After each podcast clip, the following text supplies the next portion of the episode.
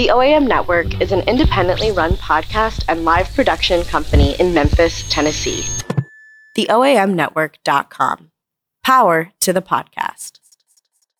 The reality is that the numbers, the statistics, the things that we use to kind of guide our choices and our decisions are just ideas and suggestions. They aren't my story or your story or your path. Um, so I think that that the uh, ability to just kind of um, take in information um, for what it's worth, let it wash through, hold on to the pieces that are useful, and when it seems impossible to go any further, just take one more step, just one. I'm Dr. Perry Mandanis, psychiatrist and host of Couch Stories.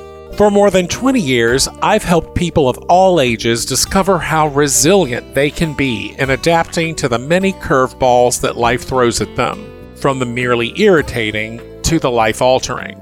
We all face challenges from time to time. I've overcome quite a few myself that I'll be sharing with you. What I've learned from each one, and sometimes the hard way, is that it's never just self help instruction, or advice, or medical information that helps. It's the right story that can do the most good. When you discover the story that cracks you open, you'll remember it. It'll become one of your best friends for life because it'll show up again and again right when you need it most. Welcome back. I hope everyone had a happy Thanksgiving. It's my favorite holiday. Even if this year my family had to socially distance and keep our celebrations small, I assume many of you did the same thing. Still, it was a celebration of gratitude, even right now during the pandemic, because even with COVID, we still have much more to be grateful for than we have to complain about. Thanksgiving is also when I renew my commitment to keeping a gratitude jar going all year long. Every day I write down something that I'm thankful for at the end of the day. I drop it in the jar. I love seeing the jar fill up. And on those dark days, when sometimes it's a little harder to feel grateful, I can open the jar, shove my hand down into the jar, pull a few slips out, read them, and get a very powerful reminder from my own life experiences. No matter what I'm dealing with today, it is temporary. I have many more days to be grateful than not. Today, I am very grateful to my special guest who is joining us to draw our attention to National HIV and Awareness Month. December 1st was World AIDS Day, and December is the month that we can all learn more about HIV, AIDS, and what we can do to prevent this illness right here at home and around the world. Dawn Averitt is the founder and emeritus board member of the Well Project, a nonprofit organization whose mission is to improve the lives of women living with HIV and AIDS through a focus on research, treatment, and prevention. Dawn was diagnosed with HIV herself in 1988 at the young age of 19 and is one of the longest survivors of this disease. In a celebration of her resilience and surviving her first decade of living with HIV, she completed a childhood dream of hiking the entire Appalachian Trail. Today, she's the mother of three daughters and lives on a farm in Vermont with her family. Dawn, welcome to Couch Stories. Thank you very much. I'm thrilled to be here. I, I really am delighted to have you here in person. Um, I heard about you a long, long time ago because I'm friends with your brother Richard, and Richard and I attended the International Storytelling Festival in Jonesborough, Tennessee together. And at that festival, we hatched this idea that we would like to study st- more about storytelling. So we hired a coach, Doug Lipman, and a bunch of us decided to do a storytelling workshop and retreat at my house in the country. And Richard came up uh, and brought quite a bit of excellent wine, as I recall. And, and we were coached by Doug to tell our stories. And he told the story of his brave and resilient sister, Dawn. And I have never forgotten it. And so that is mm-hmm. why, uh, once I had a podcast, I reached out to you to share your story yourself. So shout out wow. to Richard. Thank you for that. Yeah. And, and, you know, it's always nice to hear from someone else that those stories get told because you know I'm I don't often benefit from hearing them, so it's really exciting to know they're out there. well, it's true, and you know, and I think that's what this show is all about. Is stories are really powerful, and stories are memorable, and that's I mean I remembered Richard's story about you, and and here you are, and it means that now um, I have an opportunity to share your story with a lot of other people. Um, that's how stories work. They're they kind of you know they grow and grow and grow in the hearts and the memories of people. I totally agree. I I have to say that after spending probably the last three decades as an activist and advocate, there is nothing more powerful than storytelling. Really good storytelling moves even the the, the people in the highest positions of power in ways that no numbers or statistics or um, compelling facts will ever um, move them. It really is about being able to to tell your story and tell the stories of others. I mean, I think one of the really awesome things for me is that I get the privilege of telling other people's stories as well, and um, I think that that's a that is an enormous um, responsibility. Um, it's a gift. Um, and uh, and it's something that I, I really cherish is that I get to not only share my experience because it's after all just one of millions and millions of experiences, um, but it gives me a chance to really kind of color in the edges of the stories of people living with HIV and overcoming incredibly hard um, odds uh, over the decades. Mm. So I'm glad to hear that you all met at a storytelling festival. Richard is a, an amazing storyteller um, himself. So he is. He, he really is. And um, I'm assuming you are too. you know, maybe it's our Southern heritage, right? We both grew up in the South. It's an important part of being a Southerner. We, we sort of got used to sitting around our family table and sharing stories. And um, and I know how incredibly important that is. And yeah, somehow I, the internet and social media and television and all of these things have disrupted that important part of our culture. Yeah, the, the kitchen table experience is is something that I think um, you perhaps COVID is helping us go back to. I think you're right. That yeah. we wouldn't have otherwise. Mm-hmm. So that's a that I you know if as I look I, I, really appreciated what you said in your opening about kind of collecting the things to be grateful for and and um, experiencing gratitude in whatever form you can. And sometimes you have to really, really tease out the stuff to find some small thing to be grateful for. But um, in this entire COVID pandemic, we've had a real opportunity to be home um, in a way that actually tests some of those of us who spend a lot of time on the road. Um, to all of a sudden, you have to kind of be there with your stuff and uh, the good and the bad. But uh, I think there have been a number of positives that have come out of this, at least for me and for my family. And I, you know, some of that is is having meals together and you know having time to to um, be uncomfortable together um, instead of just kind of off to the next thing. Yeah. Dawn, at this point in your life, you are obviously a long way away from that day when you were 19. Um, I would, however, love to hear your story. I mean, I just know that you were diagnosed at a very young age mm-hmm. and at a very scary time um, before medicines, before everything. Um, share your story. Well, you know, it's it's funny. I've I've told the story, as you can imagine, hundreds, thousands, I don't know how many times. And, and, um, and, you know, it's hard sometimes to figure out how you encapsulate an experience um, as you get further and further away from it in a way that can really um, share that impact with the people who are hearing it. Um, but you know, my story really started in the '80s. Um, I left Stone Mountain, Georgia to go to school at uh, NYU and moved to New York City. And, um, and it was, you know, that was 1986 and 87. And it was an incredibly um, tumultuous time, obviously. It was the emergence of the HIV, what would be the, be the beginning of this pandemic.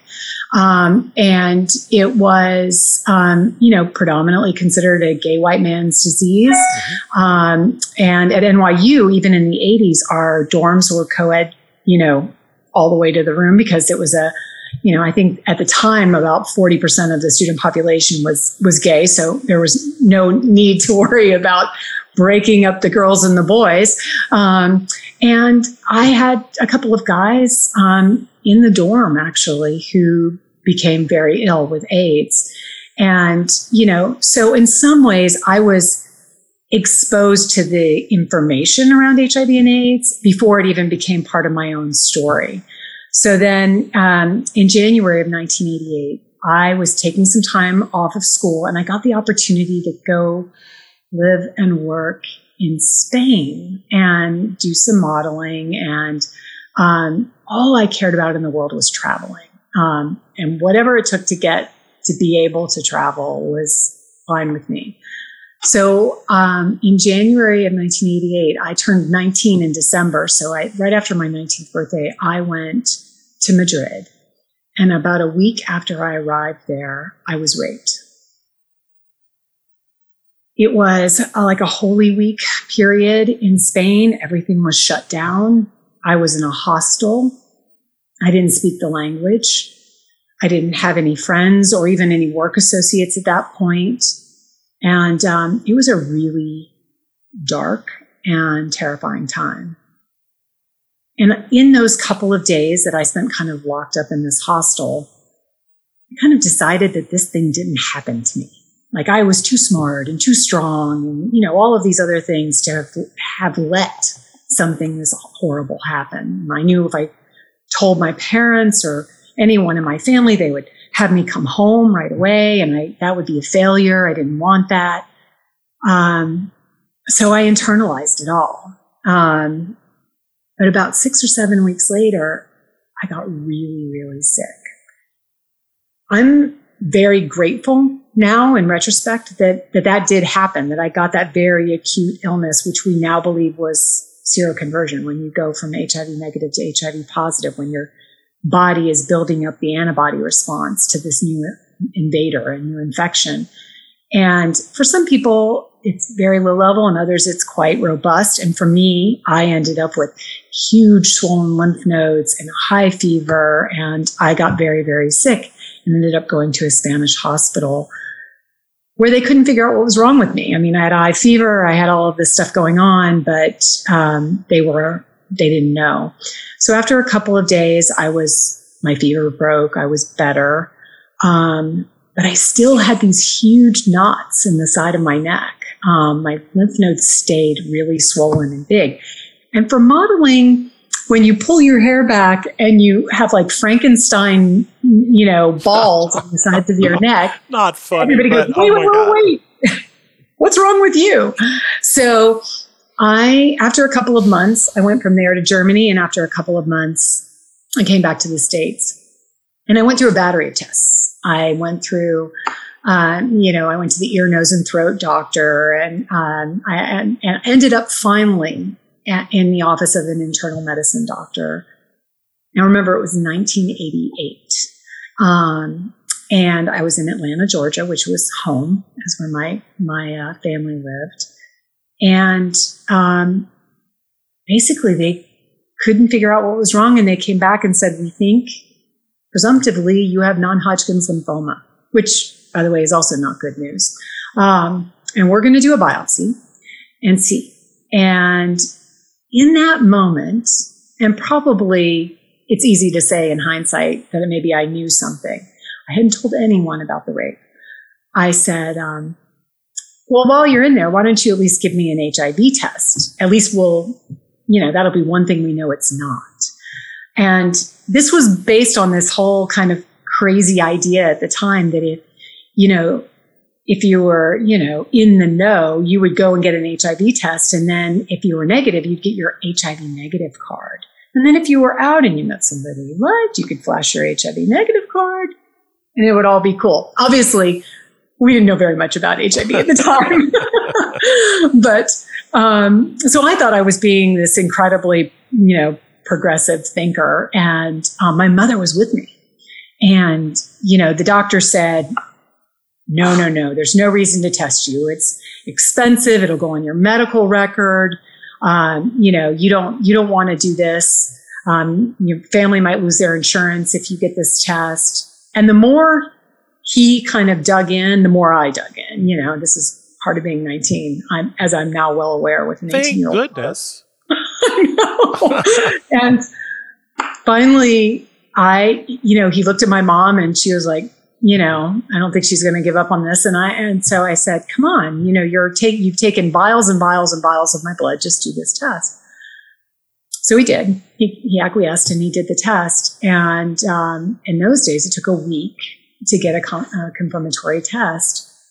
So I went down to Florida to visit my grandmother and I was driving around to see relatives and we showed up at my aunt and uncle's house and my aunt came out and said, your mom just called. She wants you to call the doctor and call her back right away. Because of course, due to confidentiality, he couldn't tell her what he had to tell me. So I went in and I I went to her kitchen phone and I picked up the phone and I called him back and he got on the phone.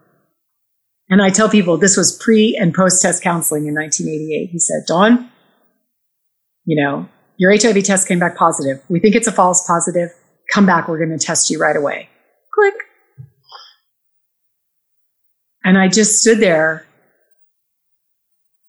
actually holding a teddy bear um, in the kitchen of my aunt with my grandmother sitting right there. And I wasn't sure if this meant I was going to be dead before I got back there to get a test. Like, what did this mean? So I came, I got on a plane and I flew home to Atlanta and I went straight in and got a test. And for seven days, I walked around in a complete trance, trying to will this test to be negative. And I kept thinking, if I say negative, well, you know, I want this to be a positive test, meaning that it's negative, but I don't want to.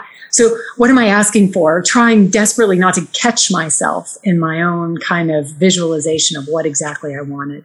And on June 28, 1988, I went back to the doctor with my mom and my dad, who, by the way, was a retired colonel in the Marine Corps. Um, and we sat in this little, you know, eight by eight, all white exam room. And the physician walked in and he said, Well, your confirmatory test came back positive. You are indeed HIV positive. And then I'm not sure what else he said because I think the walls kind of closed in and everything was just kind of, my heart was pounding in a way that I couldn't I couldn't hear anything else. And I don't think I could really swallow for a minute or two. It felt like a year. And, and then I kind of in this like gasping for air. Like, you know, sometimes when you jump in really cold water and it takes your breath away and you come to the surface and you're trying to get air. And I said to him, so where can I, what do I do? What, what, what can I read? Where do I find more information? And he said, Oh, don't read anything. It's too confusing. And don't tell anyone because this, this could ruin your family's life. Your brothers might get kicked out of school. Your dad might lose his job. Your family might lose their insurance. Let's just, this is, you need to keep this quiet. And in that moment, he locked me into this kind of shroud of secrecy. And I remember driving home with my mom. My dad had to go back to work and having a conversation with her about whether or not I would tell my brothers because I was the oldest. My brother Richard, who we've already talked about, was 16 months younger than I was. And then my brother Scott was another two years younger than him. So I was 19, they were 17 and 15 at the time. And, you know, the doctor had kind of said, don't, don't tell them. And I talked to my mom for a little while about it and I said, if it were one of them, I would want to know. So I'm going to tell them. So we had a family meeting on the back porch and my brothers walked in. Okay, now we were living in Stone Mountain, Georgia in 1988.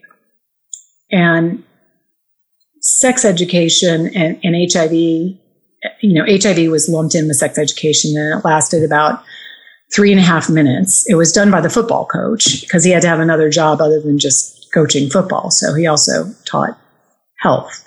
Um, and so we sat down and basically HIV and AIDS education in 1988 in Georgia was if you're not an IV drug user, a gay man, or a prostitute, you have nothing to worry about. Next STD. And I'm sitting in front of my two younger brothers and I'm telling them that I just tested positive for HIV. And they're both looking at me and they're pretty sure I'm not a gay man and wondering when I became one of the others. And I kept having to say, no, no, no, I didn't do anything wrong. But here's the deal I'm HIV positive. And then we were all in the shroud of secrecy together for a number of years. Gosh. you know, the stigma of HIV at that time, you know, obviously made it worse. But in 1988, getting that diagnosis and sharing it with your brothers, it was essentially a death sentence in 1988. There wasn't anything else to say or read about or any other information to get. I mean, that was just how did you do it? You were so young. I mean, how did you get through that? You know, it's it's always funny to look back and say, well, this is what I think actually happened. And in that moment, all you're doing is putting one foot in front of the other. And, um, and it truly was a death sentence. I mean, life expectancy in 1988 from the time of diagnosis to death was about six months. Um, and so I was 19. My first goal was to be 20. Um, and my second goal was to be 21. Um, and, you know, it was a take it each step at a time. Um, I think that there was some there, you know, there's denial that doesn't serve us. And then there's kind of healthy degrees of denial that allow you to kind of say, all right, well, that may be true, but I'm going to do these other things anyway. And, um, you know, I went through a couple of months of sheer terror where I, I basically, um, would have this nightmare every night because being diagnosed with HIV came with so many stigmatizing and shameful things burden on my family, burden on friends, burden on anybody who I ever loved or might love me back. I, you know, there was just, it, it wasn't just what's going to happen to me. It's like, what am I causing um, to my entire world and to the people that I care most about? And part of what was so devastating about HIV in those days was oh my gosh, not only do I have this horrible death sentence, terminal illness, fatal disease, all of the things that we called it at the time, but I can, I could hurt somebody that I love and that I care about. And how terrifying is that? I am the biohazard sticker that they stick on my blood when they, you know, and I, um, that was really heavy and really hard. I think mortality is harder to wrap your head around at 19 but there were things like I knew that I wanted to have children someday, and that was clearly never going to happen. Um, you know, it was a, it was, there were definitely, it's not like I just got up the next day and said, well, we're going to just live with this. It really, I, I, would have this recurrent dream that I would be um, in a horrible car accident and people would be running to the car to help me. And I would be cut up and covered in blood and I'd be screaming, no, get away. I have AIDS. Hmm. And the terror of that, um, of, of being this biological weapon on hmm. some level, especially from the perspective of a teenager, um, was really, really hard to overcome. I, I can't even imagine it. Um, and the aspersions on one's character and all that other mm-hmm. stuff that kind of went along with it back you know i mean it was all of that that you had to uh, that you had to be resilient and get through. And, and you're right. You know, when you're in the middle of it, you just put one foot in front of the other. And when you look mm-hmm. back, that is when you can harvest some thoughts about how did I do this in order to share those thoughts with other people. Um, so what happened next? Um, obviously, you're still here. We're talking to you. Thank you. Um, what happened? Well, I mean, a lot of things happened. Um, there were a lot of days when the goal was to just put one foot in front of the other. Mm-hmm. I uh, decided that I'd go back to college because I felt like that was some sort of purgatory and it wouldn't count as time lived or something like that if I finished my college education. Um, ironically, we knew so little about HIV in those days that the doctor said I couldn't go back to New York because I couldn't handle the harsh winters. and so I transferred it back to Atlanta and, and into Georgia State to finish my college education. And, um, and I kept the secret. Um, and I just one put one foot in front of the other. And I discovered over time, um, you know, I managed to get a college degree. I got an opportunity to go to Washington and work for then a very high profile U.S. Senator, Senator Sam Nunn.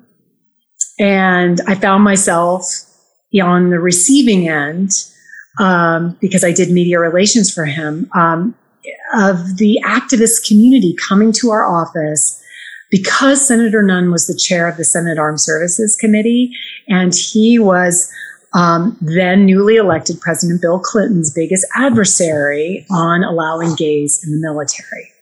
And the gay community and the HIV community, which were pretty much one and the same at that mm-hmm. point, um, really felt that the whole gays in the military issue, or a significant portion of it, was about um, uh, you know, fear and bigotry and, you know, especially around AIDS and HIV. So they would show up at our office with, you know, fake vials of blood. They meaning uh, ACT UP and Queer Nation and all these other advocacy organizations.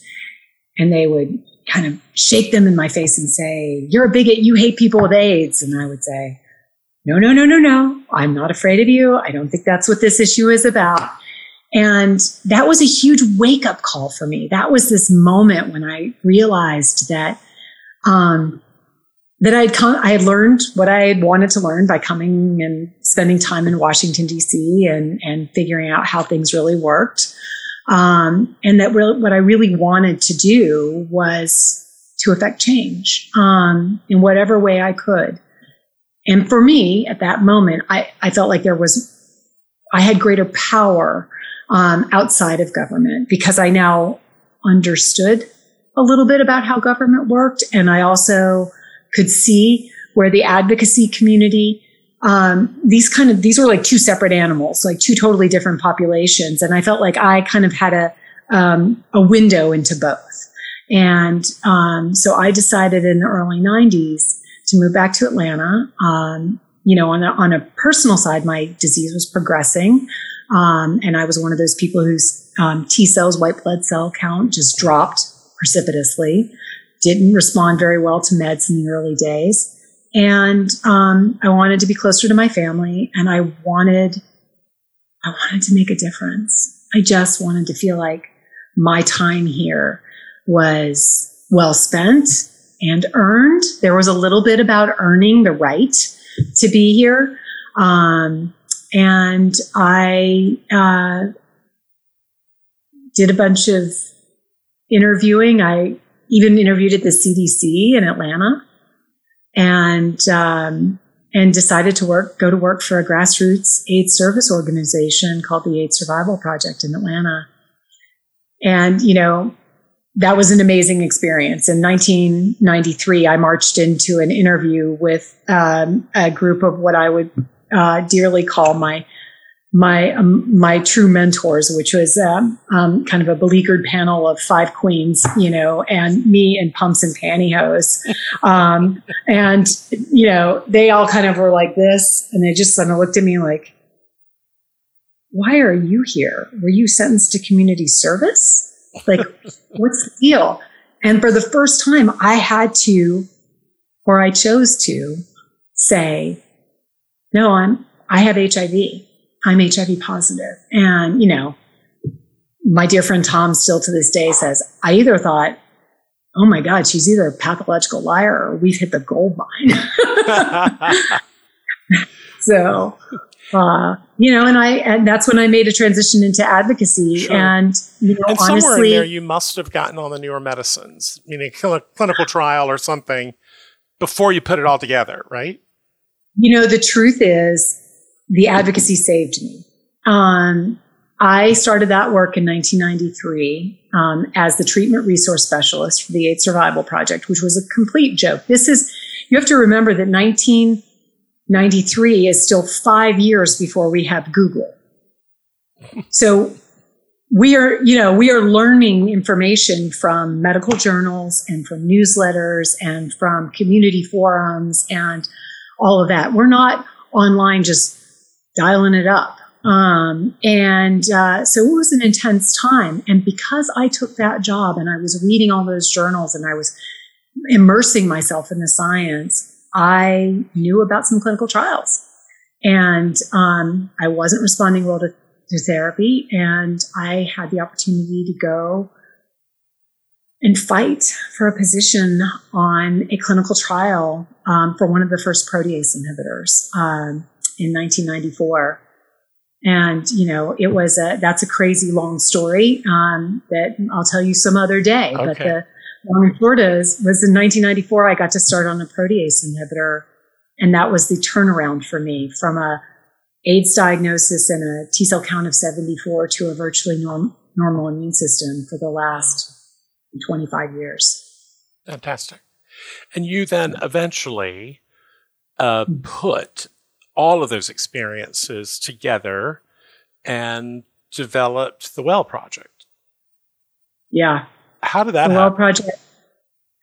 You know, um, in 1994, back in, in, in, you know, at the point when I was starting on a clinical trial, I started my first organization, which was an organization called WISE, and it became the Women's Program for Project Inform, which was probably the nation's leading kind of grassroots treatment advocacy organization.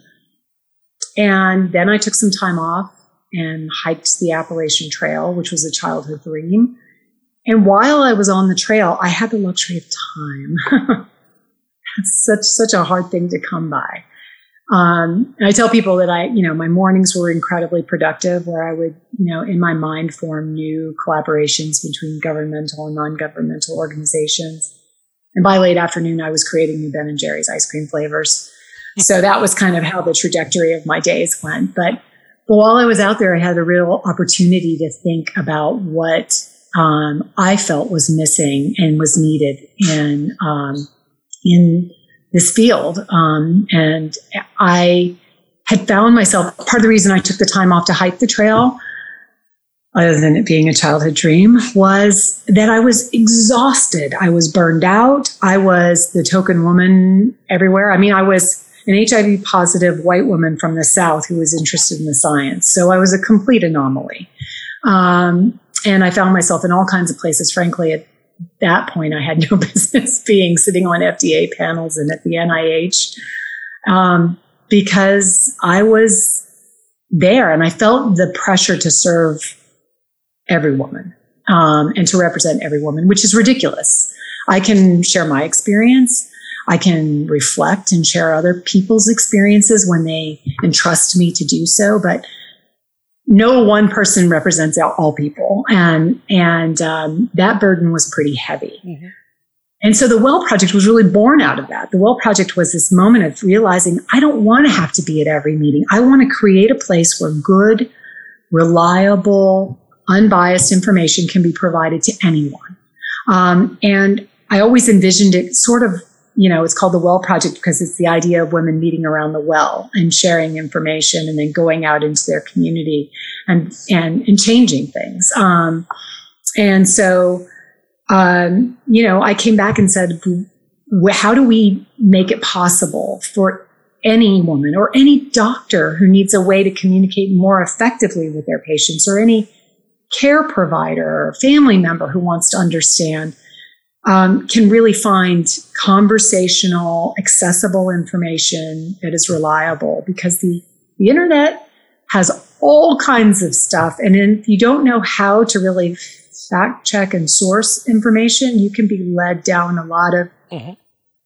unbelievably scary rabbit holes. So, so that was the, the concept behind the Well Project. And I, I dreamed it up and thought about it as I hiked the Appalachian Trail. And when I emerged, I went to my brother Richard, who's a phenomenal businessman. And, and I said, listen, I know the science.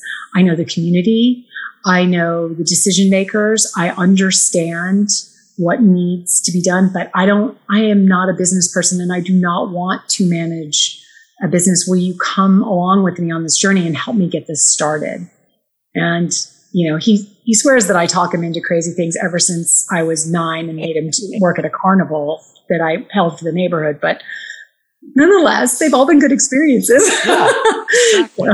he, he joined me with the, uh, to, to build the Well Project in 2002, which we launched in 2003. And it is so far beyond me and, and him. And, and I, the Well Project now serves women in every country in the world every month without fail for a decade. Um, it's, you know, reaches people in places that we never imagined we would get to. And that's because we have an amazing team and, um, and I really get to just stand back and marvel at what they've been able to do. That's fantastic. Um, when I hear you tell that story, even when you were the 19 year old, before protease inhibitors, before all of that, you were advocating. And I just, the thought was she wants to make a difference before she dies. You know, and I, I couldn't help myself but think it. And when I think about resilience, one of the single most important things that comes to mind is having meaning and purpose. And that was how you did it. I mean, all through your life, you keep demonstrating this value of having meaning and purpose is how you get through something difficult. And you keep doing it over and over, Dawn. It's, it's really extraordinary. Thank you. I, I frankly think, um, that it has been an enormous privilege. Um, and and I have to acknowledge that I come from a place of privilege. I have a supportive family, um, and I I can speak openly, and so many people can't do that. Um, and you know, there have been times when that has felt um, heavy and exhausting. But at the end of the day, the reality is, I you know, I wouldn't be here without um, the support, an enormous support system that I have, um, and the extraordinary commitment um, to the people who care about me to just kind of bolster me through these through the tough days. There have been lots of hard spots in this journey, um, and incredible opportunities from you know the the arguing on behalf of people at you know on the most important tables in this country and sometimes globally um, you know i spent um, five and a half years serving under president obama's administration on the president's advisory council and and with that comes an enormous amount of responsibility to to um, make sure that it isn't about my experience yeah. but about others experience and I think what a lot of women, perhaps, and maybe it's not unique to women, but many of us experience is it's easier to fight for someone else than it is to fight for ourselves. Well, you know, um, I want to come back to that. Before I do, though, if you think about the last 30 years, and if you could speak to any of our listeners who may be struggling with an adversity right now themselves, um, what advice do you have to them about finding their resilience? Oh my gosh. You know, um, imagine the life you want to live and take a tiny step, just one. Don't think about how many steps are between here and there, but just take one more step. Um, there have been, I mean, if you had asked me 30 years, 20 years, 10 years ago if I would be almost 52, um, with three children, uh, you know, talking to you about what it was like to spend, you know, well over half my life living with a life threatening disease. I don't know that I would have allowed myself to go there. Um, but the reality is that the numbers, the statistics, the things that we use to kind of guide our choices and our decisions are just ideas and suggestions. They aren't my story or your story or your path. Um, so I think that that the uh, ability to just kind of um, take in information um, for what it's worth, let it wash through, hold on to the pieces that are useful, and when it seems impossible to go any further, just take one more step, just one. I talked to women last month, uh, or rather, excuse me, in Nov- in October, two months ago, uh, about breast cancer. And mm-hmm. as I was preparing to meet with you today, I was thinking, all right, we've had Breast Cancer Awareness Month, and at the top of the show, I mentioned World's AIDS, World AIDS Day, and this is HIV and AIDS Awareness Month. And I'm thinking, why? Why do we still think of these things so differently? Um, because, you know, what I'd learned from some of these women, young women who did not have breast cancer. Why? Because they got tested. They found out they were BRCA gene positive they had to take that one step, even though it hmm. was very difficult to do, and decided to do the treatment that is required to prevent themselves from getting cancer down the road. Why is this so different when we could end? We can't cure HIV maybe yet, but we could end it right now. Why? What's different about it? You know, I think that we did ourselves a grave injustice in the early days of this, of the HIV pandemic. And that was in an effort to communicate what risk looked like. We characterized risk in a way that allowed people, largely because of fear, to kind of distance themselves from it. You know, that doesn't happen to a person like me. I'm not, you know, oh, I'm none of those, or, or, you know, um, just separate themselves. I mean, part of the reason that I think that I have been effective in some ways um, when I have been effective is because I, um, look like a lot of people's. Well, I used to say sister, now I have to say mother, but you know, mother, sister, friend, whatever. Like I look like somebody you know, um, and and that's uncomfortable for a lot of people. That makes them you know, realize that, that it, it may be closer. The reality is perhaps closer than they want to think. But I think that by creating an idea, an expectation in, in the general population that it only happened to kind of social deviants or people who, who it was dirty, chose, if you will, in a yeah, way, right? That we did that, yeah, yeah. That that you know people deserved it. Um, mm. I can't tell you how many times I was in um, demonstrations in the early days and in DC with protesters, you know, basically saying this is God's, you know, desire that you all die. Um, and it, it, was, you know, God's reckoning. Um, and that was hard and painful. And also it fueled my fire. Um, you know, you bet. But so today we have to spend a lot of time helping people understand that, you know, everyone's at risk to some extent.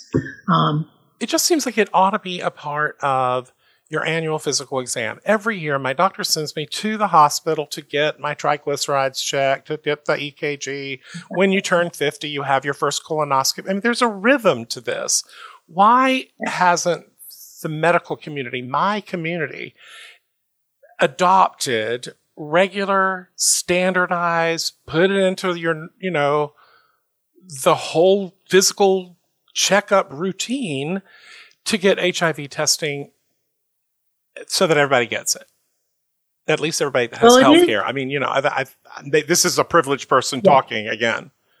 Right. but still, I mean, it just it seems like more is. of us could find out.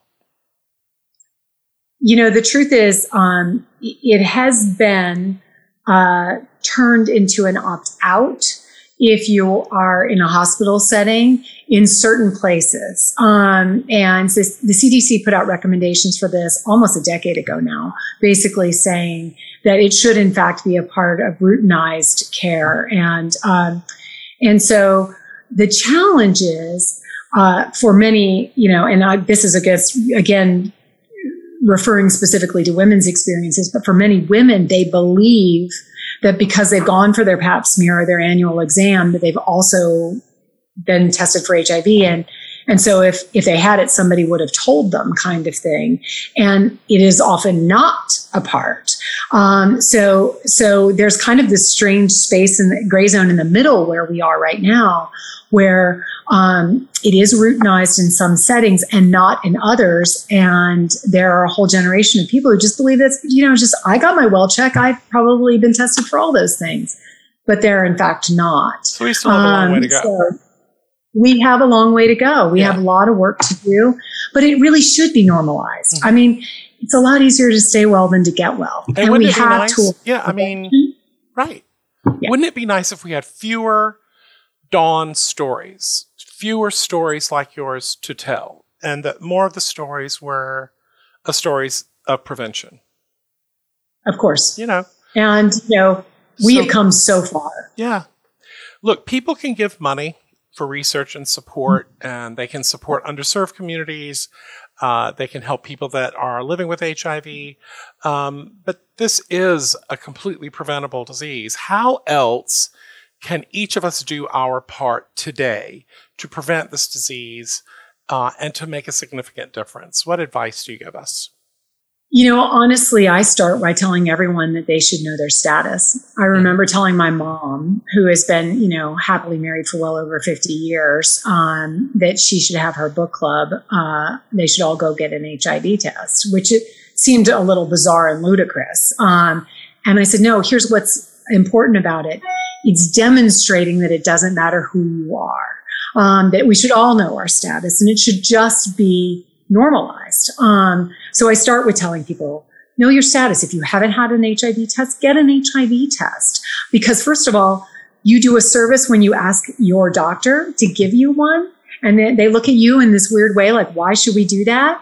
Because you're helping to remind them that in fact, this is something that everybody should do and everyone should know because, you know, one in nine women diagnosed with HIV are over 50.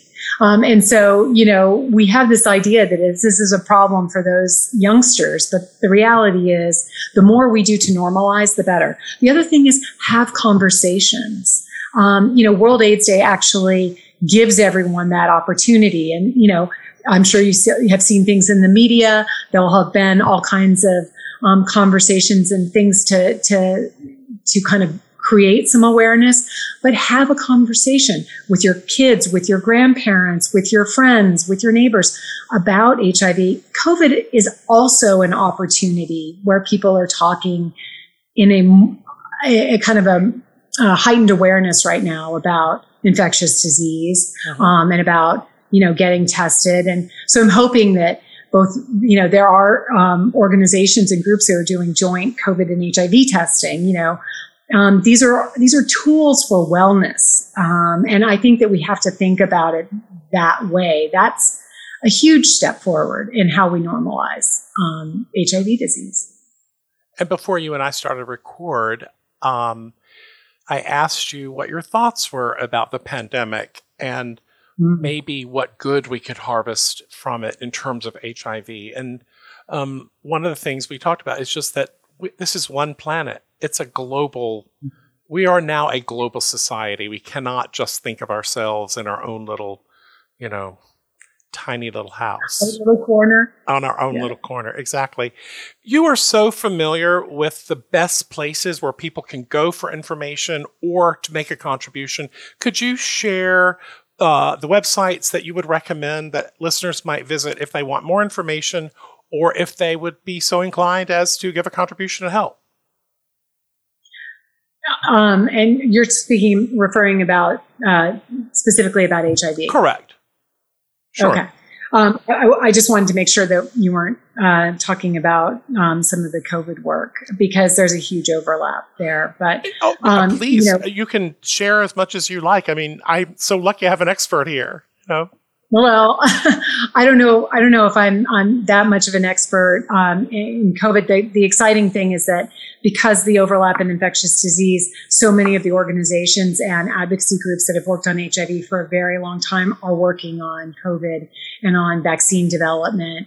And um, because in HIV, um, we have to work a lot on access issues. Um, you're talking about a very knowledgeable group of advocates um, and voices that are kind of um, you know, pre-trained um, and ready to step in in the conversations around what we do with COVID. So there's a lot of overlap there, and and most of our organizations are at some level doing, um, you know, uh, both advocacy and education around, um, you know, both COVID and HIV, um, and certainly, uh, you know, important for people to kind of familiarize themselves with the prevent uh, mm-hmm. prevention op- opportunities pre-exposure prophylaxis and the things that are out there. I hope COVID is actually creating a moment where people are thinking about participating in clinical trials, figuring out how they can really um, contribute their time and their experience. That's an incredibly important thing. But for those who have resources and are willing to share their resources, obviously, I have to say the Well Project because that's um, an organization that's near and dear to my heart. Um, and, you know, you can find that, uh, the Well Project's information just at thewellproject.org. Um, there, in addition, um, we do a program through the Well Project called the Women's Research Initiative on HIV and AIDS, um, or the WRI. Um, that's also through the Well Project, and you know you can find out information there. Um, there are a number of important organizations that work on a national and international level. But it's also important to recognize that there are local organizations that, that kind of are on the ground in your community. And so, um, you know, definitely check into some of those. A lot of those organizations and entities are working hard and struggling um, in this pandemic, just as you would expect mm-hmm. with small businesses and others.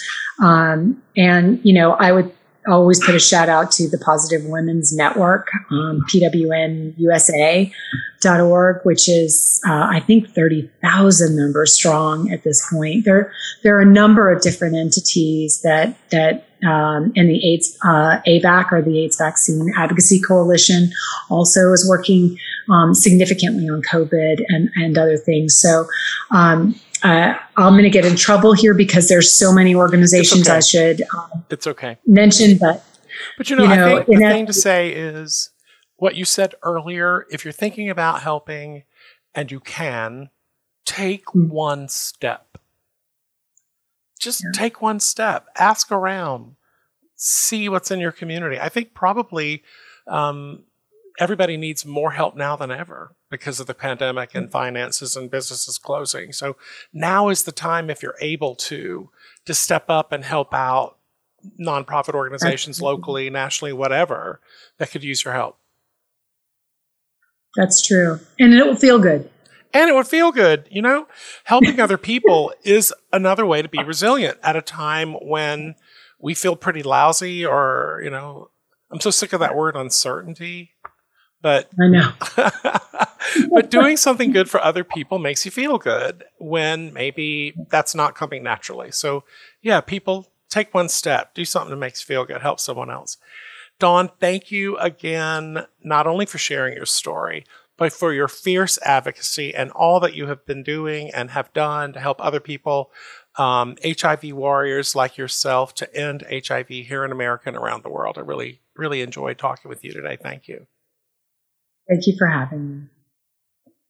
I'll see you later and say hi to Richard for me. I will. You just never know what may happen to you in this life, and you never know when you will be called to be resilient. What you can count on, however, is that you can do it. You can learn to be resilient and to put your resilience into action. Share your stories of how you overcame a struggle with each other, and especially with your children. Sometimes they think that we adults have always been strong parents, and they have no idea that you felt scared in your life once upon a time, or that you weren't always as strong as you are today, and that you weren't always this resilient. Your stories are like taking them on a little field trip back into your life where you can share some very important lessons with them without it feeling like a lecture. That's why sharing stories is so important. We learn from each other through our stories and we remember them. Hearing that story about Dawn Averitt many, many years ago resulted in me inviting her to be my guest, and I'm truly grateful to have learned more about her and have had the opportunity to share her story with all of you. Please make sure to leave a review about Couch Stories on Facebook, on our Facebook page, so that other people can discover how the right story at the right time may change someone's life. Your reviews are very, very, very important to the show's development, and I appreciate you taking the time after you log off to leave your comments. Please join the resilience by following Couch Stories podcast on Instagram and Facebook, where all week I post tips and hacks for putting your resilience into action. Next up, we're going to have former NFL football cheerleader turned life purpose coach, Amber Valdez, on the show. So make sure that you subscribe so you don't miss a single episode that drops. Until then, make sure you keep sharing your stories with each other. Someone near you needs to hear one of them.